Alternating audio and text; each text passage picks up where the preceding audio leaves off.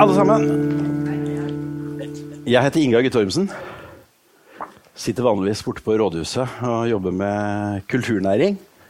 Men siden uh, Tora Klevås, som egentlig skulle sitte her nå, er i Kristiansand på storbynettverksmøte, så er det jeg som sitter her i dag og har gleden av å skal snakke med Erik Engblad. Litteraturviter, forfatter, 37 år, firebarnsfar. Seiler snakka vi litt om i stad. Debuterte med 'Dønninger' i 2014, og nå har kommet med boka 'Situasjoner', som vi skal snakke om i dag. Sinna mann. Livsraseri handler det veldig mye om her. sånn. Har du lyst til å gå rett inn i og lese de to første sidene i boka, som jeg syns gir et veldig sånn, det er nærmest som en sånn synopsis på hva boka handler om? Det høres ut som en god idé. Strålende. Um, først og fremst utrolig gøy at uh, dere er her. Jeg var veldig spent på om det kom til å komme noen i det hele tatt. Den litt tåkefulle fulle onsdagen i, i oktober. Uh, men det gjorde det altså. Det, det, er jeg veldig glad for. Uh, jeg skal da lese to sider helt i begynnelsen av boka. og jeg tror ikke jeg sier noe mer. Jo, jeg skal si en ting. Vi møter altså Vi er i eh, Vi følger Jarle, som er en noen og 30 år gammel tobarnsfar fra Rælingen.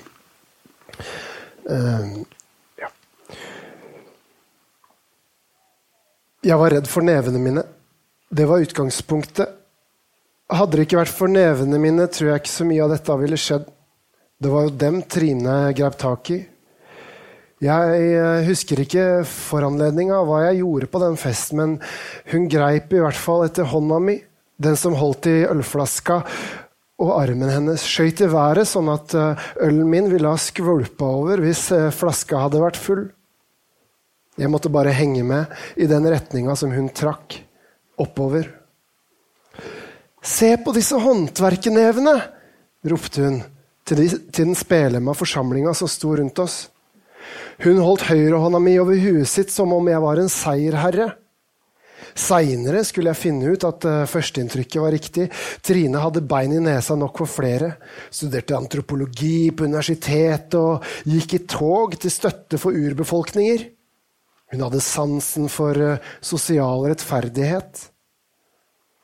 På samme tid var det tydelig at hun også var vant til slike øvelser. Uh, hva heter det å frekventere sosieteten? Den gangen representert ved den høye himlinga og sju-åtteromsleiligheta øverst i bygården rett ved Solli plass. Hun hadde stått i nærheten av meg en stund, og jeg hadde rukket å legge merke til nakkelinja hennes, eller eh, nærmere bestemt håra som vokste der. De var for korte til å rekke opp til strikken som samla resten av håret hennes i ei knute, og de lå der, disse mjuke nakkehåra, freidig utspredt over kragen. Idet hun snudde seg, fikk jeg se at den markerte nesa ga ansiktet en uventa form for skjønnhet. Da som nå lå skrammende over nevene mine som flekker av rust på ei tilårskommen bildør. Alle kunne se åssen jeg var, og det på lang avstand. Jeg var merka av jobben min, på samme måte som fattern hadde vært merka, og faren hans for det igjen. Jeg mener, kroppen herder seg sjøl om du bare jobber ute lenge nok. Det meste ved mannfolka i min familie var derfor et jævla varsku her. Nakkene som tømmerstokker, underarmene overdimensjonerte og hårete fingre fulle av træler. Men da hånda mi ble løfta i været den kvelden, følte jeg meg merkelig trygg. Det må være snart ni år sia nå. Ja, trygg eller fritatt. Jeg følte meg holdt. Kanskje Trine allerede da skjønte at hun trengte å redde meg. Ok, det var muligens noe i meg som trengte å bli redda, men fra hva? Det er ikke så lett å si. Men kanskje Trine likevel kunne se det ved første øyekast, at det var hun som skulle stå for denne redningsoperasjonen. Jeg veit ikke. Det ligna i hvert fall på et mirakel at vi endte opp sammen. Samtidig som jeg måtte lære meg å leve med at hun en dag kom til å forsvinne. Det er ikke noe med at han skriver bra, men han leser bra òg, vet du. altså, du bor på Movatn i Maridalen. Langt inne i Nordmarka i Oslo. Og det er jo ikke til å komme bort fra at uh, tømreren Jale og Trine og Johanna og Joakim, det er barna til uh, Trine og Jale, da, bor omtrent på samme sted. Mm. Riktignok i et litt uh, råttent hus som er i ferd med å gå i oppløsning. Uh, som, det ligger jo en smule symbolikk der også. Men er, hvem er Jale, og hvem er Erik? Er det noe der? Nei, altså Jeg hadde jo egentlig tenkt å legge hele romanen til Nittedal. Men da fant jeg ut at da må jeg jo dra til Nittedal og lære meg det stedet å kjenne. Og det gadd jeg rett og slett ikke. Så grunnen til først og fremst at det foregår på samme sted som jeg bor, er latskap. altså. Ja, riktig. Det må jeg være såpass ærlig å si. Men samtidig så er det jo sånn da med skriving at um, ja, vi er inne i en uh, inne i en periode nå med mye virkelighetslitteratur. Uh, og jeg tror det meste skriving starter i ens egne erfaringer, ens eget uh, blikk på verden. ikke sant? Men så er spørsmålet hvor langt lar man det gå i prosessen? Uh, og hvor fremmed kan det bli? ikke sant? Ender det opp som en fantasyroman, så har man gått temmelig langt. Mm. jeg har vært mye sint sjøl. Jeg er ganske uh, fortrolig med dette livsraseriet. Uh, samtidig så er det sånn at når jeg begynner å skrive om en ting, så blir det gjennom språket henta ut av mine egne erfaringer, min egen livsverden, og så blir det nesten til et fysisk objekt i, i verden, eller i rommet, som jeg kan begynne å dreie på og forme og, og, og observere. Uh, sånn sett så kan man kanskje snakke om en terapeutisk virkning av skriving. Men til slutt da, så blir det også en egen logikk i dette objektet. Um, det du skriver, forplikter. Ting endrer seg. Så selv om utgangspunktet her kanskje er tilsynelatende ganske likt, da, tilsynelatende ganske likt med mitt eget liv, så er resultatet et annet. Jarle, Jarle Ødegaard er en, uh, sin egen herre. Si. Det er han faktisk ikke, men uh, han er i hvert fall en, en mann uh, som er annerledes enn det jeg er. Ja, fordi det var visstnok sånn at du etter at du hadde skrevet din første bok 'Dønninger' i 2014, så var du i gang med en politisk landbruksroman, så jeg faktisk. Eh, og så er det noe med at du eh, Jeg har notert meg tre stikkord her. Altså meditasjon, et sted hvor det ikke var lov til å skrive, og en barnetegning. Ja. Som jo var din situasjon, men som samtidig var da foranledningen til denne nye boka 'Situasjoner'. Ja. Vi kan snakke om det eh, helt kort, fordi tenker meditasjon eller gjerne komme tilbake til det. Andre typer besinnelsesteknikker er ganske viktig for, ja, ja. for materialet her. Men jeg var altså um, pga. dette sinnet, da, dette livsraseriet som jeg så vidt har snakket om, også fordi at jeg sto og stampa inn den kreative prosessen, så beslutta jeg å dra på en sånn meditasjonsretreat uh, ute i de svenske skoger i ti dager. Jeg vet ikke hvor mange av dere som har vært i befatning med den slags. men er, Jeg var ganske fremmed for det sjøl, så jeg syntes det var uh, merkelig opplegg. Men uh, jeg hadde hørt folk fortelle, at det var bra, uh, fortelle om at det var bra. og sånn. Så jeg dro dit. og Da var det ikke lov å ha med lesestoff, det er ikke lov å ha med skrivesaker, ingen, ikke noe TV, ikke noe Internett, mobilen må leveres inn osv. Og, så og så skal man da være stille og meditere i 100 timer. Tøffe vilkår. Ja, det var rimelig tøft. Um, og jeg sleit meg gjennom det dag én, dag to, og vi sto opp liksom halv fire på morgenen og dusja i kaldt vann. og Tredje dag og fjerde dag og sånn.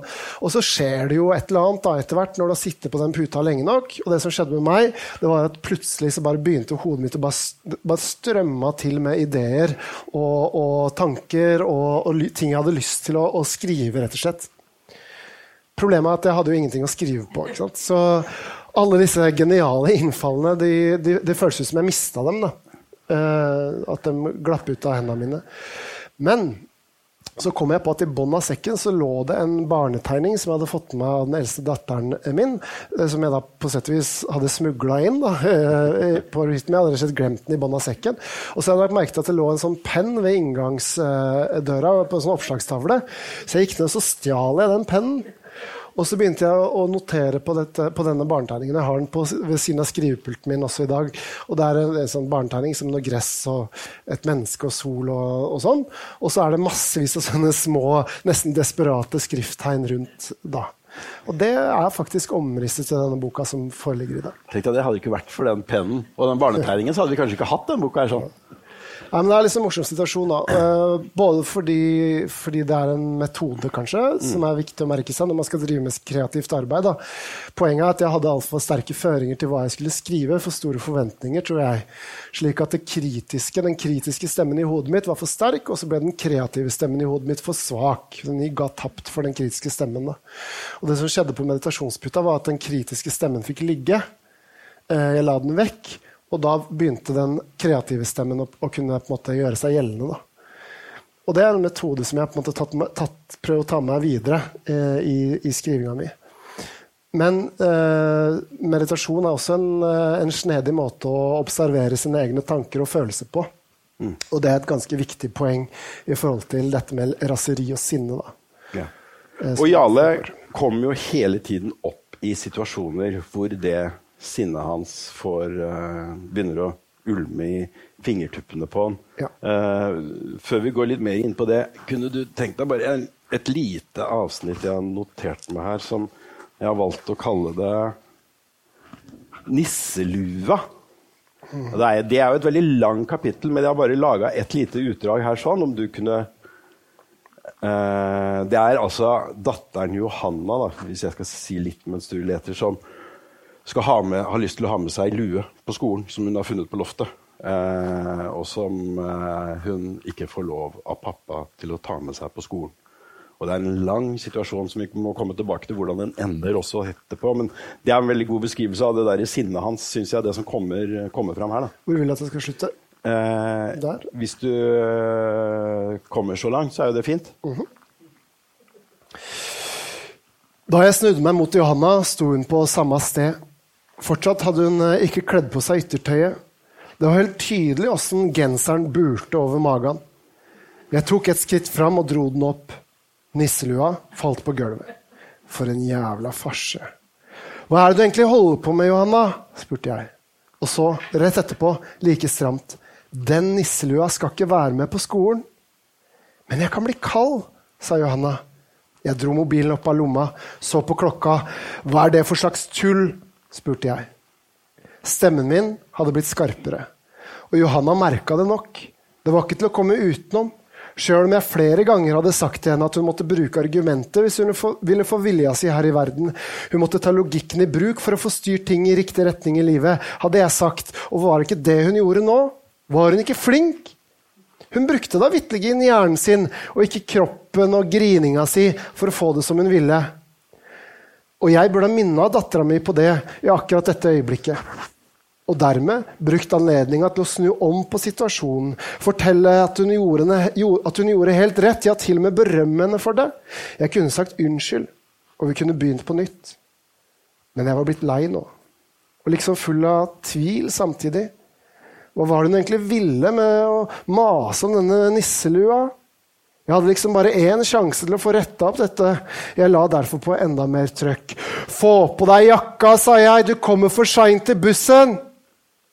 Og med det samme jeg gjenkjente tonen, skjønte jeg at jeg allerede med den brå forbipasseringa hadde trådt over en grense og forsvunnet. Ikke inni eller nedi, som jeg skulle, men ut av meg sjæl. Feil vei. Det var en annen som hadde tatt min plass, og nå sto på de grå flisene i gangen en som hadde dukka opp ut av ingenting.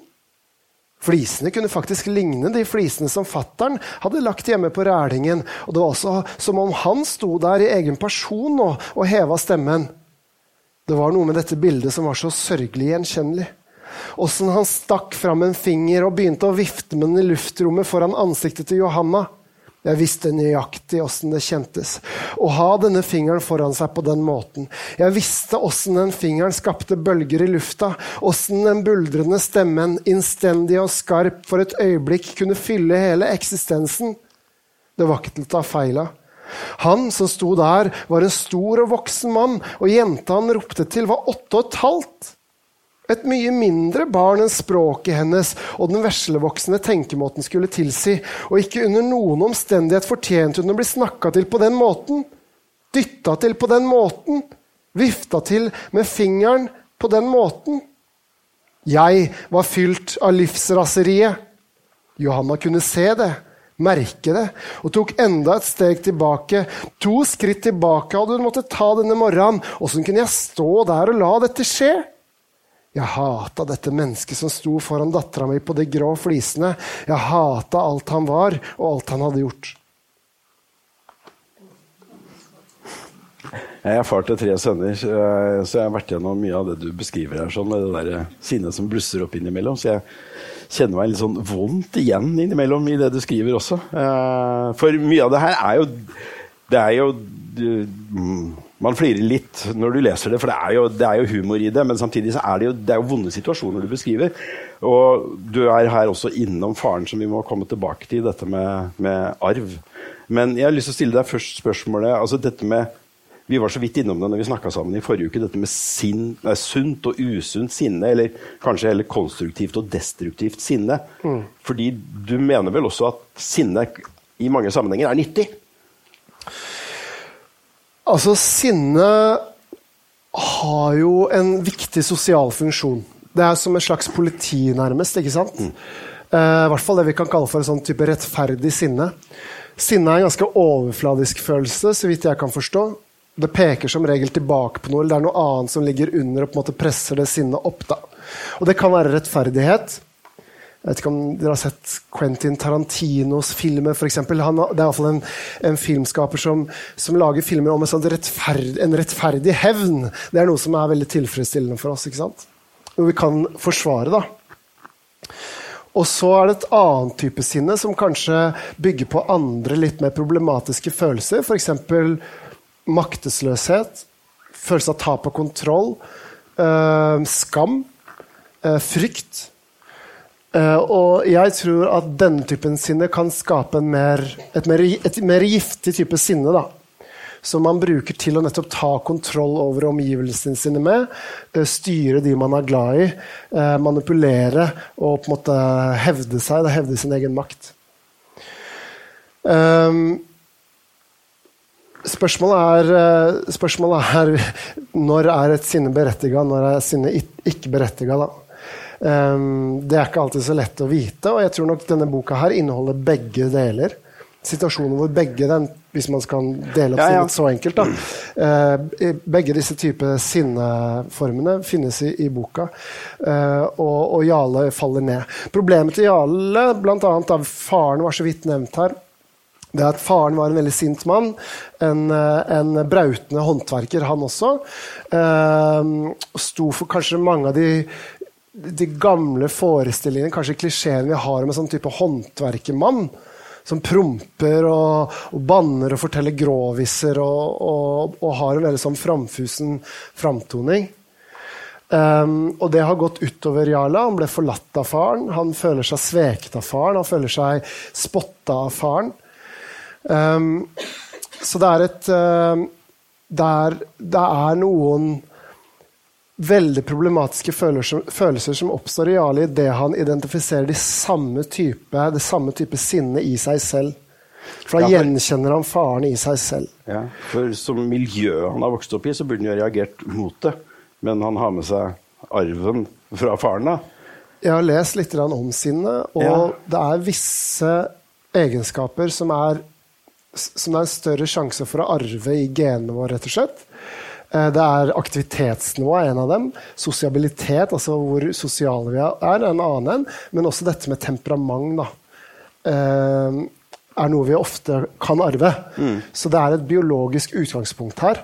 Men det er også en sosial del, et sosialt tillært mønster, og kanskje også til en viss grad et sånn klasseperspektiv på dette. Så når Jarle gjenkjenner dette sinnet i seg selv, så skammer han seg ikke bare over at han gjør feil mot sine nærmeste, men han skammer seg kanskje også over den litt sånn arbeiderklasseherkomsten han har med seg. da. Fordi Trine, som han er sammen med, kommer fra Bygdøy, og hun har en mastergrad i sosialantropologi, skulle egentlig ta en doktorgrad, ikke sant? og kommer fra et veldig møblert hjem.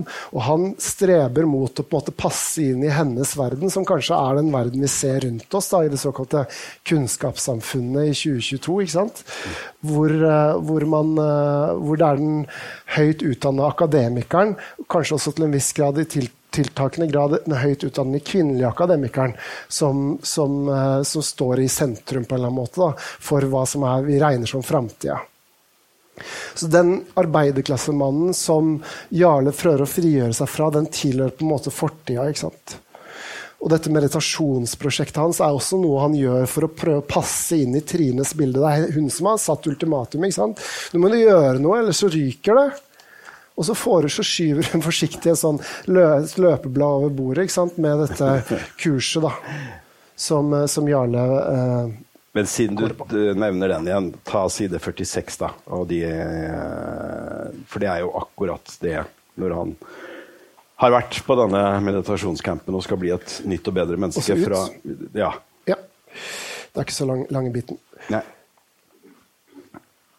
I starten hadde jeg møtt denne smalskuldra yogafilosofien med ei heller tilbakelent holdning. Trine hadde skjøvet løpeseddelen over kjøkkenbordet. Riktignok hadde hun understreka graden av frivillighet i foretaket, men hvilke andre muligheter fantes egentlig? Vi kunne ha gått fra hverandre.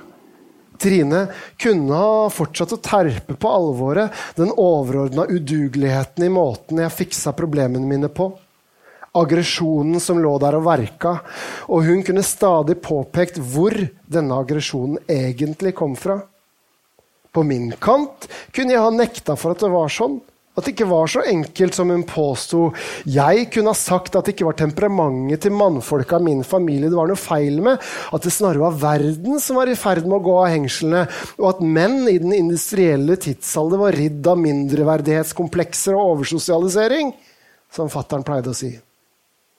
Raseriet mitt kunne anses som et slags opprør mot denne urovekkende utviklinga. Kunne ikke hun med alle sine studiepoeng skjønne det?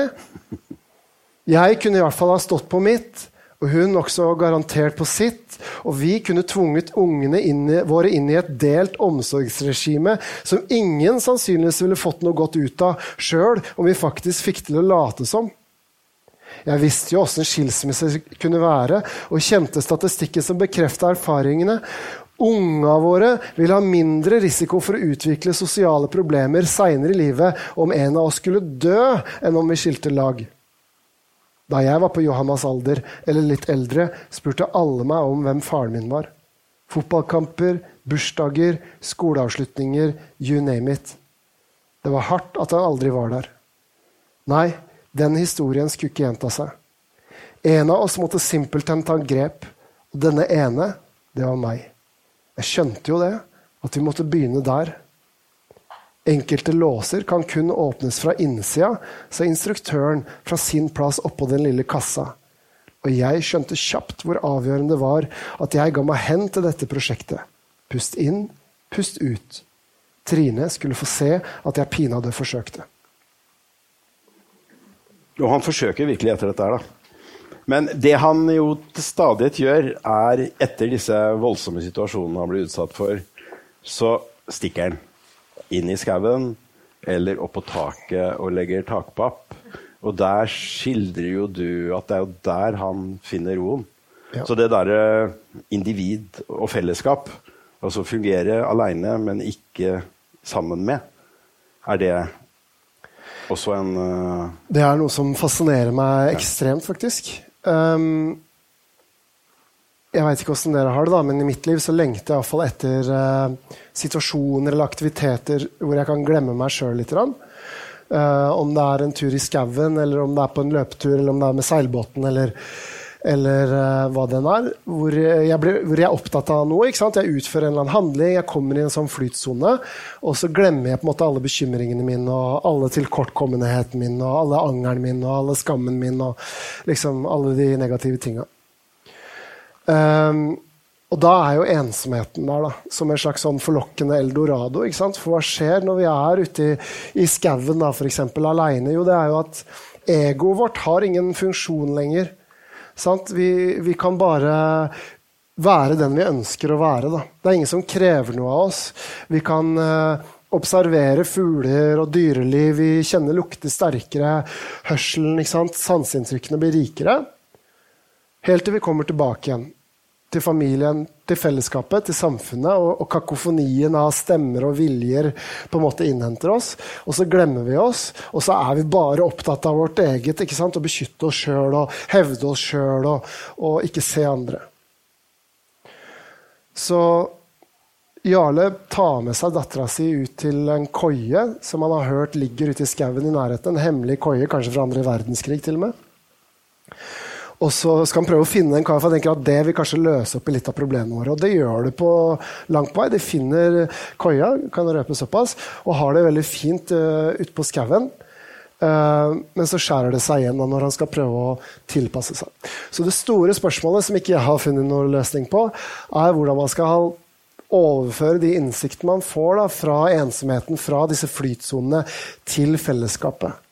Fordi vi er sosiale vesener, vi som er mennesker. Eh, og vi er helt avhengig av å få det sosiale fellesskapet til å fungere.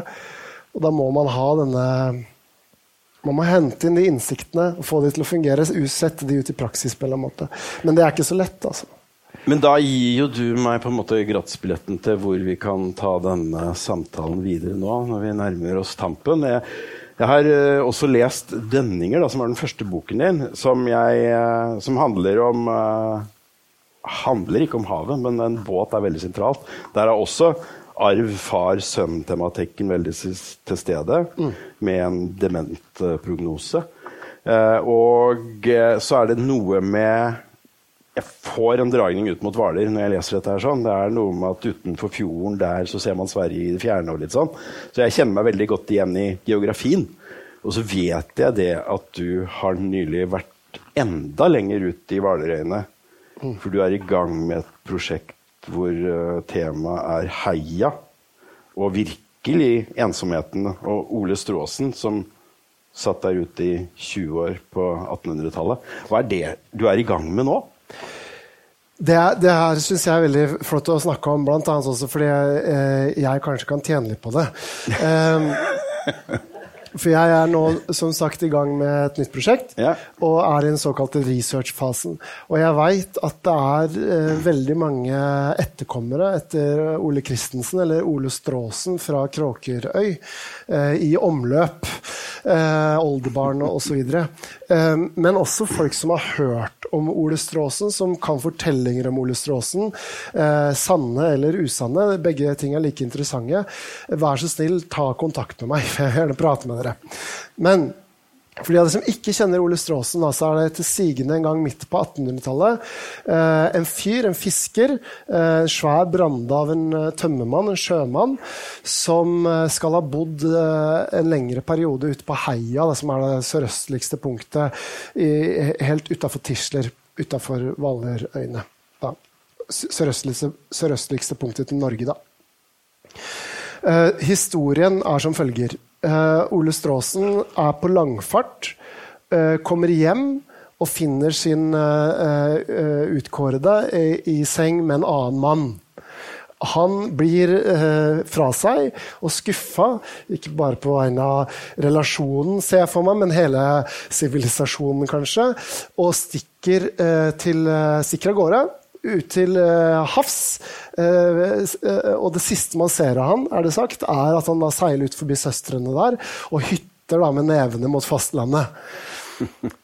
og, og, bosetter seg da i en stein- eller en plankedrivehytte er det vel teknisk sett, på, på Heia. Og blir der, noen sier i 10 år, og noen sier i 20 år. Uh, Grunnen til at jeg er fascinert av denne historien, her er uh, fordi den inneholder veldig mange sånne momenter som kan gjøre en fortelling spennende. Kjærlighetssorg og oppbrudd og en reise. ikke sant? Eh, men det er så mange ulike typer versjoner av denne fortellingen som jeg har fått høre, og mange av dem stemmer ikke overens. De motstrider hverandre. ikke sant? Eh, som gjør det til et ideelt romanstoff. For i en roman så kan man faktisk fremstille veldig mange stemmer parallelt. da. Flerstemmig. De kan stå der og mene noe uten å motsi seg. på en måte. Spørsmålet er hvordan man får det til. Da. Det har jeg ikke helt ønska ennå. Men jeg har i hvert fall gjort et eh, tidagers feltarbeid. Begynte der. Så jeg bodde Det står en sånn steinhytte som er bygd av Redningsselskapet.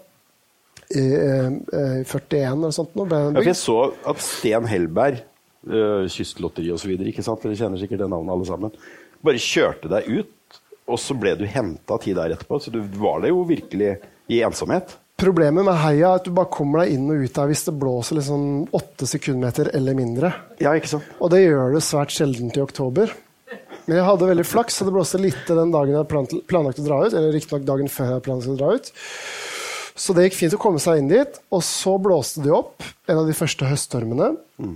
Så det blåste opp mot eh, liten storm eh, flere dager, og det var fire-fem meter høye bølger. Og det var surf, surfebølger inne i den vika hvor båten min lå. Så jeg hadde med en sånn liten jolle som jeg trakk på land. Og av en eller annen merkelig grunn så eh, blåste blåste, blåste, og så stilna det helt akkurat på den dagen jeg skulle hjem. Så ble jeg henta. Riktignok av faren min, ikke Stene Hellberg. Men Stene Hellberg var da altså som han leder Heias venner.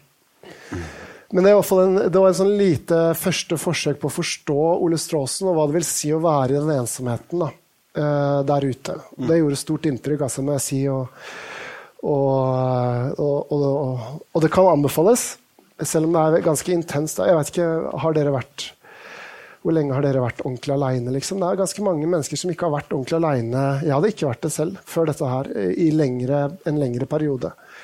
Eh, frivillig, da. Noen, noen er jo alene fordi det ikke er frivillig, og det er noe, kanskje litt annet. Men eh, i ensomheten så finnes det ting som ikke finnes i fellesskapet, og vice versa.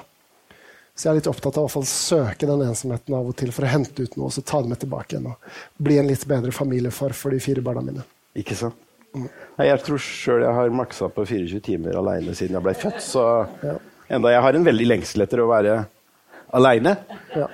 Men eh, jeg ser vi har vel ca. forbrukt den tida vi hadde til rådighet. Ja. Jeg har i hvert fall hatt en veldig spennende samtale. Jeg håper dere også har fått utbytte av praten med Erik, og at dere løper av gårde og låner eller kjøper bøkene hans aller helst. Og så gleder vi oss til heia, den store Heia-romanen. Vi får nå se om det må en retreat til eller, eller ikke. Ja, det blir bra, det.